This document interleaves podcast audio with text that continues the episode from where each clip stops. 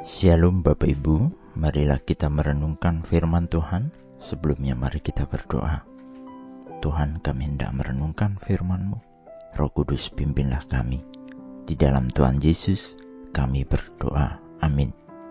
Bacaan saat ini diambil dari Mazmur 63 ayat 1, Mazmur 63 ayat 1. Ya Allah, Engkaulah Allahku.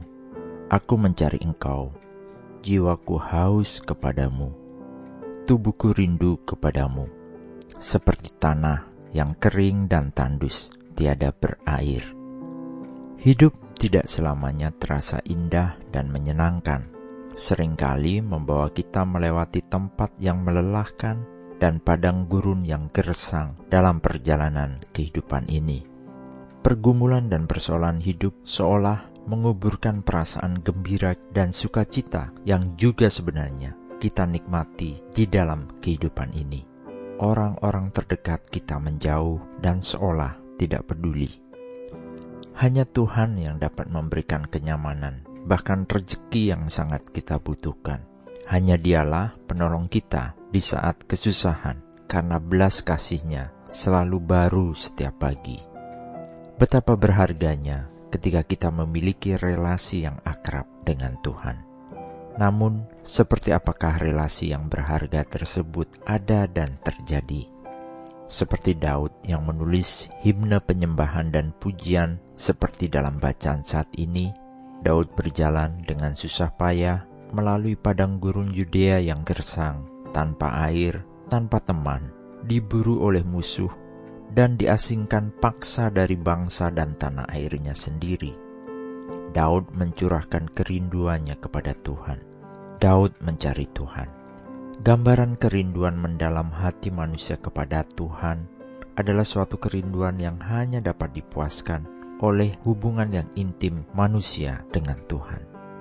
Keterasingan kita dengan Tuhan ditambah beban persoalan yang kita hadapi, tidak ada cara lain hanya kepada Tuhan yang mampu kita serukan dan ia yang akan menjawabnya.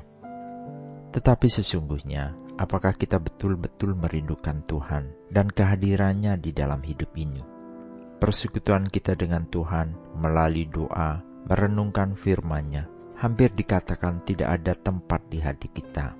Ataukah ketika muncul persoalan, justru usaha-usaha kita sendiri yang mendominasi, kita tidak melibatkan Tuhan? Kita perlu meneliti diri kita di hal-hal yang demikian. Semua hubungan membutuhkan waktu, demikian pula hubungan kita dengan Tuhan. Kita perlu mengenal Tuhan, dan Tuhan meneliti hati kita. Apakah kita sungguh-sungguh?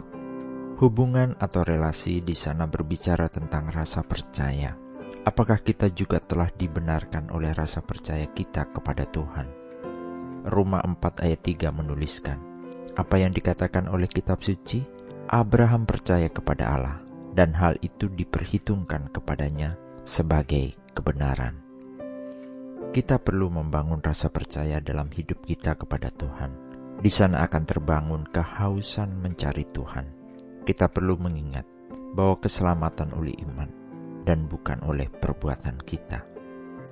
Mari bangun rasa percaya kita kepada Tuhan dengan iman yang sungguh-sungguh kepada Tuhan dengan sungguh-sungguh mencari kehadiran Tuhan dalam hidup pribadi kita, berdoa, merenungkan firman-Nya setiap waktu. Dan kita juga harus merindukan dan memohon agar Roh Kudus berkuasa serta memimpin kita sehingga kemuliaannya dinyatakan di dalam kehidupan kita. Amin. Mari kita berdoa. Bapak Surgawi terima kasih bahwa Engkau menyegarkan iman percaya kami Jiwa kami haus akan Engkau Tuhan. Ajari kami untuk senantiasa merenungkan firman-Mu dan jadikan hidup kami hanya untuk mencari kebenaran Tuhan saja.